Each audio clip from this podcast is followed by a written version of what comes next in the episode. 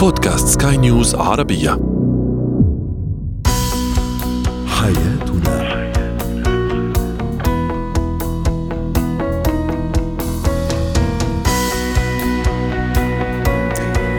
مستمعينا الكرام أهلا بكم معنا إلى برنامج حياتنا برنامجكم اليومي.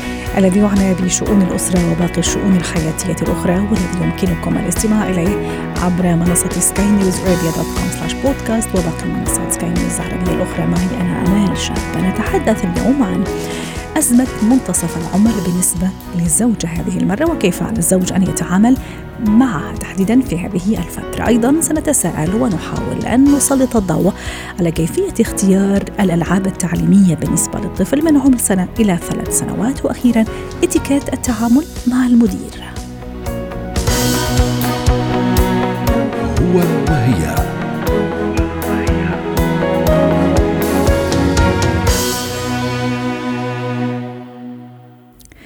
أزمة منتصف العمر عند الزوجة وعند المرأة ما هي أعراضها وكيف على الزوج أن يتعامل معها؟ للحديث عن هذا الموضوع تنضم إلينا عبر الهاتف من دبي لما الصفدي الاختصاصية النفسية والأسرية يسعد أوقاتك أستاذة لما. إذا ما حاولنا أن نتعرف على ملامح هذه الأزمة إذا ما هي فعلا أزمة؟ سنحاول أيضا أن نتعرف ونتساءل هل هي فعلا أزمة أو يخيل لنا كذلك. ما هي ملامحها وكيف أتعامل معها أيضا كزوج؟ هي بالتأكيد يعني تصنف على أنها أزمة ولكن حاليا مع حالة الانفتاح الذي نعيشه آه، خرجت من نطاق بأنه آه، مرحلة منتصف العمر أو خلينا نتكلم عن الفترة التي ممكن المرأة تكون هي مسيرة لنمط معين من آه، خربطة الهرمونات في جسمها هرمون تستروجين فبالتالي هي أحيانا تكون الحالة المزاجية والانفعالية مضطربة عندها. حاليا مع التطور مع الانفتاح مع الوعي بين قوسين وإخراج هي الفئة من تحت مسمى أزمة منتصف العمر الأعراض حاليا تعتبر أخف نوعا ما. يعني أخف من السابق ولكن في السابق كانت ربما حتى كانت تسمى بسن اليأس. يعني تخيلي أنت بأنه تسمية مرحلة زمنية هي انعكاس لنفسية الشخص الذي هو يقول بينما الآن لا هي سن المرأة تبدأ فيه بالبحث عن طموحات وأهداف جديدة يعني. أو سن النضج أيضا أو سن ربما أحيانا الراحة بعد ما المرأة قضت عمر مثلا وفترة طويلة في تربية الأبناء وما إلى ذلك ثم الآن وقت الجني أو وقت الحصاد إذا إذا صح التعبير. صحيح. لكن لمن تعاني من من هذه الأزمة أو لمن لم تستطع التغلب عليها؟ لأنه في بعض السيدات فعلا تشكل لديهم أزمة وبعض السيدات لا يتجاوزنها بشكل يعني سريع وسلس إذا صح التعبير صحيح. كيف أنا كزوج لأنه اليوم يعني الحديث موجه أكثر شيء للأزواج الذين يعانون أو لديهم زوجات يعانين من هذه المشكلة في هذه الفترة العمرية وفي هذا السن تحديدا آه هاي الفترة هي بحاجة إلى ما يسمى التفهم. التفهم التعامل مع الزوجة على أنها هي إنسانة منتجة في الحياة وبناء. شو اللي يحدث؟ اللي يحدث آه. كما تفضلتي بأنه هي مرحلة جني التعب أو جني محصول العمر ولكن ما يحدث هو العكس. يعني بهاي المرحلة العمرية بتكون مشاكل الأبناء لأنهم صاروا بمرحلة الشباب أو تزوجوا بنمط ما فكل شخص مشغول بنفسه بعيد عن الأم.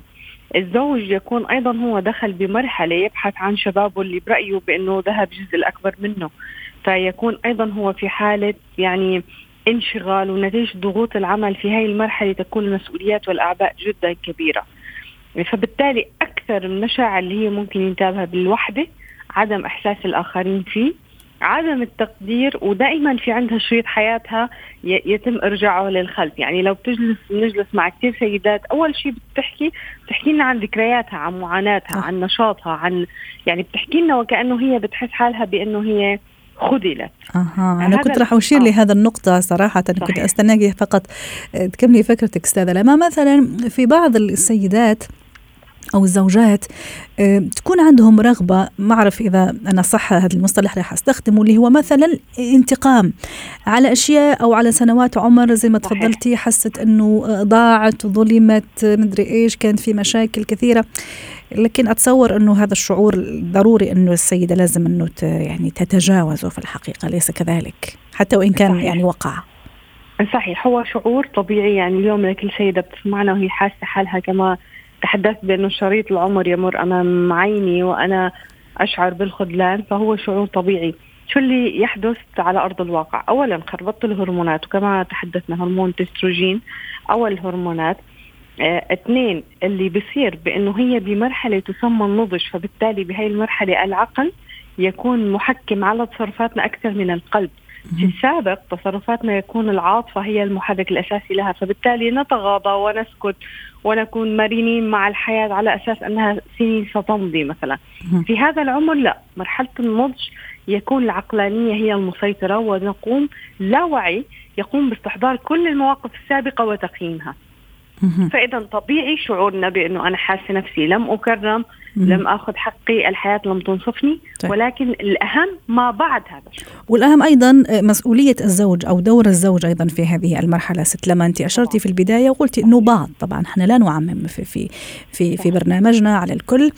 البعض ممكن يشعر إنه ازواج أنا أقصد إنه ممكن ضاع شباب ويحاول مرة أخرى يسترجع هذا الشباب.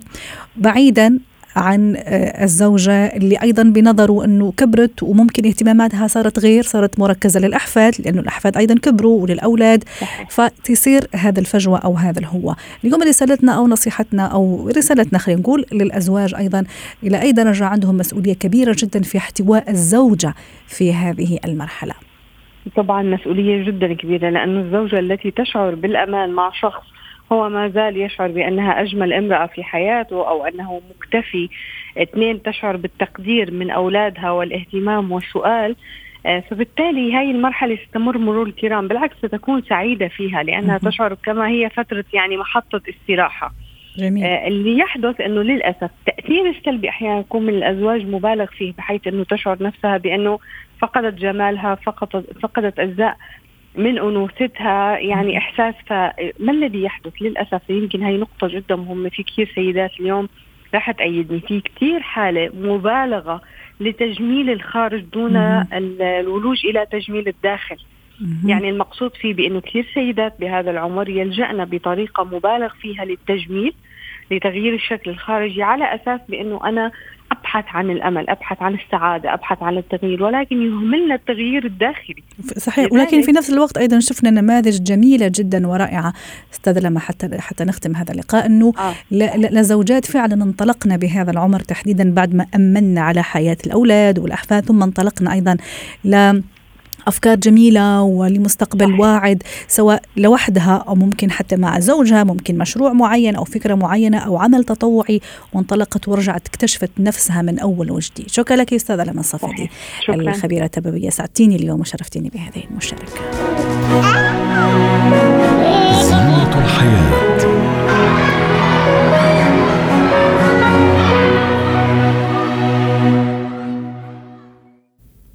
اللعب يعد أهم طرق التسلية عند الطفل وأيضا أهم وأفضل الطرق للتعلم.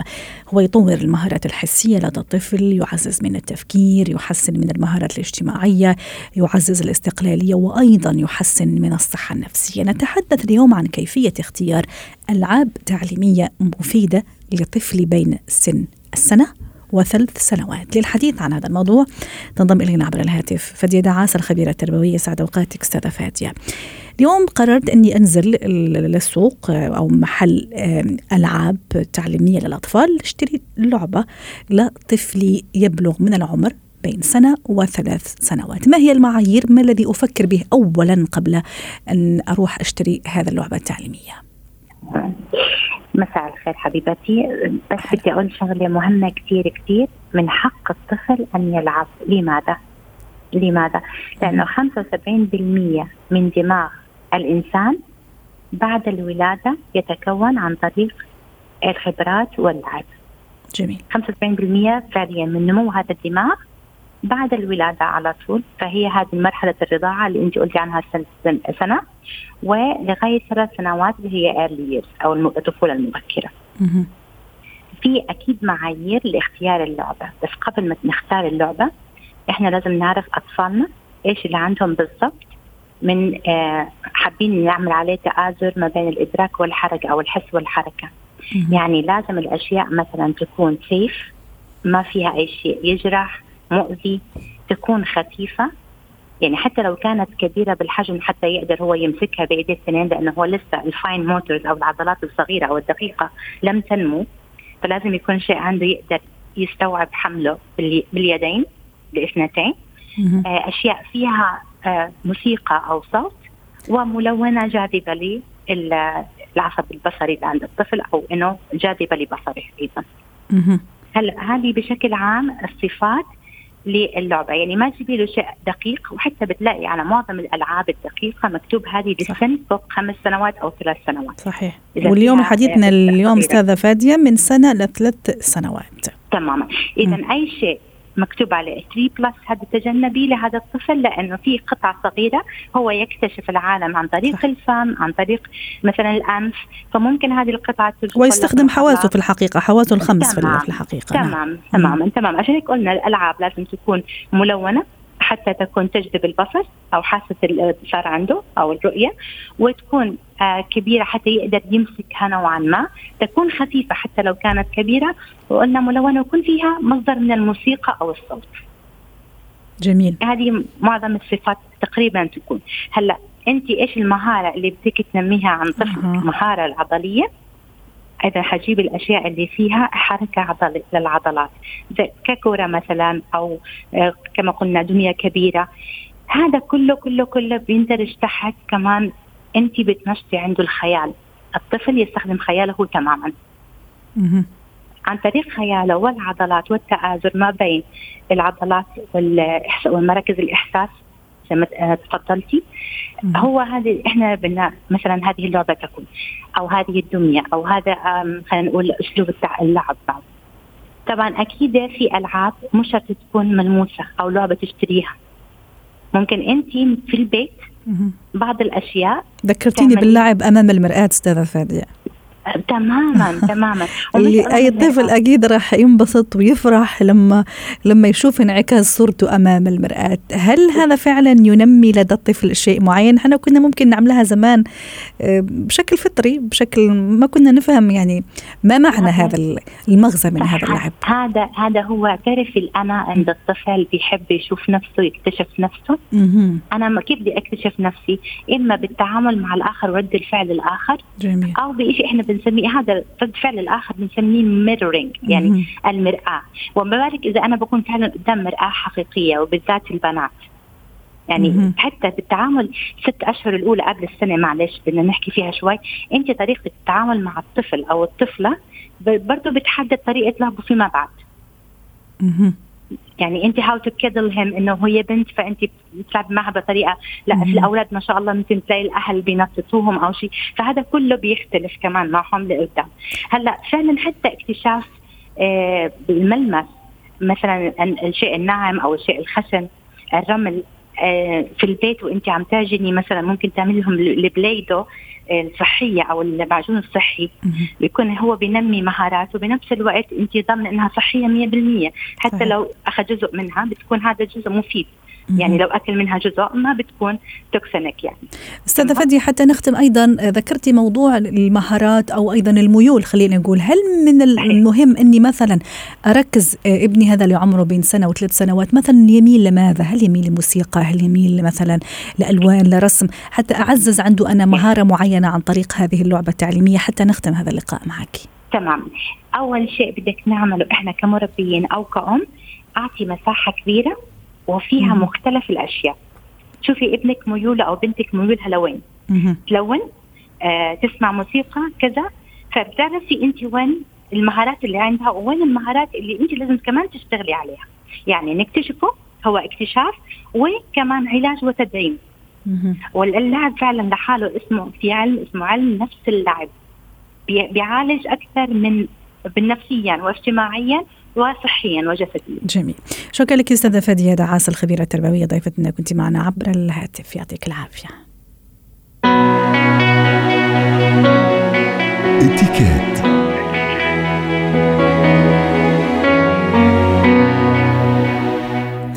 في اتيكيت اليوم سنحاول أن نتعرف على اتيكيت التعامل مع صاحب السلطة والأمر في مجال العمل وهو المدير. كيف أتعامل مع المدير؟ هل في اتيكيت؟ هل في طريقة معينة للتعامل معه للحديث عن هذا الموضوع؟ تنضم إلينا عبر الهاتف بلسم الخليل خبيرة الاتيكيت والبروتوكول الدولي. يسعد مساكي أستاذة بلسم. كيف أتعامل مع مديري؟ ما هو الاتيكيت؟ بدءا من الدخول الصباح إلى غاية نهاية الدوام ممكن حتى في الإيميلات أو في التليفون. طبعا في طرق كثيرة جدا آه، سأتواصل بها مع مديري. طبعا أول شيء بدنا نقوله أي موظف إن كان نحن مع المدير عم نتعامل أو أي مكان ما كنا فيه يجب الالتزام بمواعيد العمل. يعني آه نحن بنبتدي إنه بنجي على دوامنا بالوقت المحدد لنا وإذا كنا نحن مديرنا المباشر يعني نحن المساعد الشخصي له يجب الالتزام بوقت أقل شوي من الآخرين إنه نصل قبلهم بشوي. يعني نبلش بالالتزام بمواعيد العمل. اثنين كثير مهم إنه نكون صادقين. يعني اضطرينا نتأخر صار عنا ظروف إنه ما نتحجج بحجج آه شوي يعني اللي مثل ما بنقول مستعملة ومنها صحيحة. لا نكون في صدق بالتعامل والإحترام بيكون الخط العريض. لأنه هذا الصدق سيولد ثقة أيضا في المستقبل. طبعا بيولد ثقة. وبنفس الوقت يعني الواحد بجد معه المدير بالنهاية حتى لو كان نحن مرؤوسينا لكن هو إنسان بيتفهم. لكن لما يحس إنه في شوي عدم صدق بصير automatically نظرته لها الشخص اللي عم يتعامل معه تتغير. so so, الالتزام بمواعيد العمل الصدق احترام المدير والاحترام بالتعامل والاحترام الاهتمام بكافة الأوقات. حتى لو كانت العلاقة صارت أقرب يعني لو كانت آه، المدير آه، امرأة والسكرتير امرأة أخذنا على بعض شوي هذا آه، ما معناته أنه كسرنا حاجز الاحترام. لازم دايما خطوط العريضة للعلاقة يكون فيها احترام. بيصير معنا مواقف كتير إنه يعني الواحد مثلا بالظروف اللي نحن عم نقول هلا عم نمر فيها الحالات الاستثنائية بهالأيام مثلا. آه، يتم الاستغناء على شوية موظفين. في آه، موظفين بتكون يمكن عندها خوف إنه يمكن يصرفوني ما يمكن يصرفوني. نحن بدنا نقول إنه لما نتعامل مع مديرنا بهالظروف الاستثنائية يجب أن آه، نورجيه قد ما فينا إنه نحن كفؤ ونحن عم نعطي من قلبنا وعم تابع عملنا بشكل طبيعي. مش إنه نجي نتكلم معه إنه والله أنا أحسن من غيري بطريقة لئيمة أو شوي فيها خبث مثلا. إنه نحن نقول نحن أحسن من فلان إذا بدكم تشيلوا حدا بعد تشيلوا لأنه عم نشوفها للأسف. يعني عم يكون عنا استشارات عم نشوف هيدا الموضوع. نحاول إنه نحن نواجه إنه نحن كفؤ لنبقى. حتى إذا فكروا لا سمح الله استغناء عن بعض الموظفين ينقوا يلي أقل كفاءة مثلا. ست بلسم أيضا آه، موضوع مثلا الاختيار الوقت المناسب مثلا للكلام أو للكلام مع المدير في شيء معين في طلب معين هل أيضا من الاتيكيت ومن اللباقه اختيار الوقت المناسب ممكن اللي ما يكون فيه هو مضغوط كثير اللي ممكن آه، حالته المزاجية تكون أحسن لأنه ممكن هو معرض أكثر من أي شخص آخر لضغوط ولا أشياء كثيرة. أيضا هل يفضل أيضا اختيار الوقت المناسب حتى آخذ أنا كموظف الشيء اللي أنا آه، أسعى ليه يعني؟ أكيد. أول شيء آه، دائما بنقول الوقت المناسب للتكلم معه أو مع أي شخص آخر. هيدا لازم دائما نراعي. يعني بنلاقي حدا مضغوط أو معصب أو جاي من الصبح مش مصحصح كثير ونيجي مصر لأنه نحن عنا شيء نقوله. لا هيدا ما بيجوز لا مع مع المدير أو مع شخص آخر. أكيد الوقت المناسب والزمان والظروف حتى. يعني مم. مثل ما ذكرت هلا إنه آه نشوف الظروف العامة. يعني آه المدير كمان بدنا نفكر لنقول عم يصرف موظفين. هو منه كثير مبسوط بالموضوع. مم. يعني مزاجه معكر تيجي تحكيه تقولي له إنه أنا أحسن من غيري. أو مثلا أنا آه يعني بيستاهل لنقول زودة راتب بوقت يمكن هلأ ما حدا عم بيزيد راتب بالعكس مم. عم يقطعوا لأنه دوام العمل صار جميل. أقل صار اونلاين من البيت أكيد بدنا ننطر آه، الوقت المناسب وفي طريقة مم. وفي أسلوب دائما بنقول خلي الطريقة professional أيوة. ما نتحدى الحدود ولا نكون عاطفيين بالتعاطي هذا اللي راح يقودنا أيضا لمناقشة نقطتين أيضا بغنا ممكن دقيقة أو دقيقة ونص أستاذ بلسم.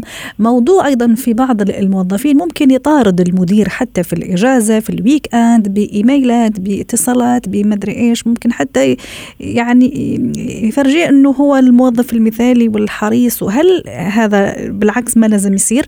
هذا راح يعطي صورة يعني سلبية. وأيضا إحنا حكينا في البداية على موضوع الاحترام واللباقة لكن في في نقطة أو في شعرة معاوية بين الاحترام واللباقة وبين أحيانا أيضا المبالغة. أو خلينا نقول نعم. التملق بين قوسين أيضا. التملق دائما غير مقبول. والمدير الذكي أو أي شخص يعني عنده آه، اطلاع آه، على التصرفات عنده فكرة عن تصرفات العالم بيقدر يميز مين عم يحكي بصدق ومين عم بيزيدها. يعني أنت افترض اليوم يوم إجازة نهار الجمعه ولحتى تورجيكي مثلا المساعدة الشخصية إنه هن هي عم تمم لك العمل أنت قاعدة مع عائلتك بمكان كمدير يعني بمكان ما وهي نازلة فيكي أو تبعت لك إيميلات. ما في لزوم. ما انت أصلا إجازة. انت مانك قادرة توفقي لها مانك قادرة تمضي لها. ببين إنه شوي في زودة. لا دائما بنقول إنه حتى المدير عليه متوجب إنه هو ما يعذب الموظفين بوقت الإجازة إلا للطوارئ. نفس الشيء بنقول بالنسبة للموظفين. إذا في حالات طوارئ التواصل لكن الإزعاج بالأوقات وخصوصا بالأوقات الباكرة أو المتأخر من الليل إلا إذا كانت في حالة طوارئ، يعني افترضي أنت مثلا المدير موجود مع زوجته بعشاء ما والمساعدة الشخصية عم تبعث له رسائل 9 و10 بالليل. قد تفهم بطريقة خاطئة. نفس الوقت إنه آه، هيدا ما بيقدم ويفيد إلا إذا المدير طلب. يعني في مدراء آه، متطلبين هن بيطلبوا شيء بيكون المساعدة هي عم تتضايق منهم. واضح. شكرا لك أستاذة بلسم الخليل. أسعدتيني اليوم بهذه المشاركة. خبيرة الإتيكيت والبروتوكول الدولي يسعد أوقاتك. حياتنا.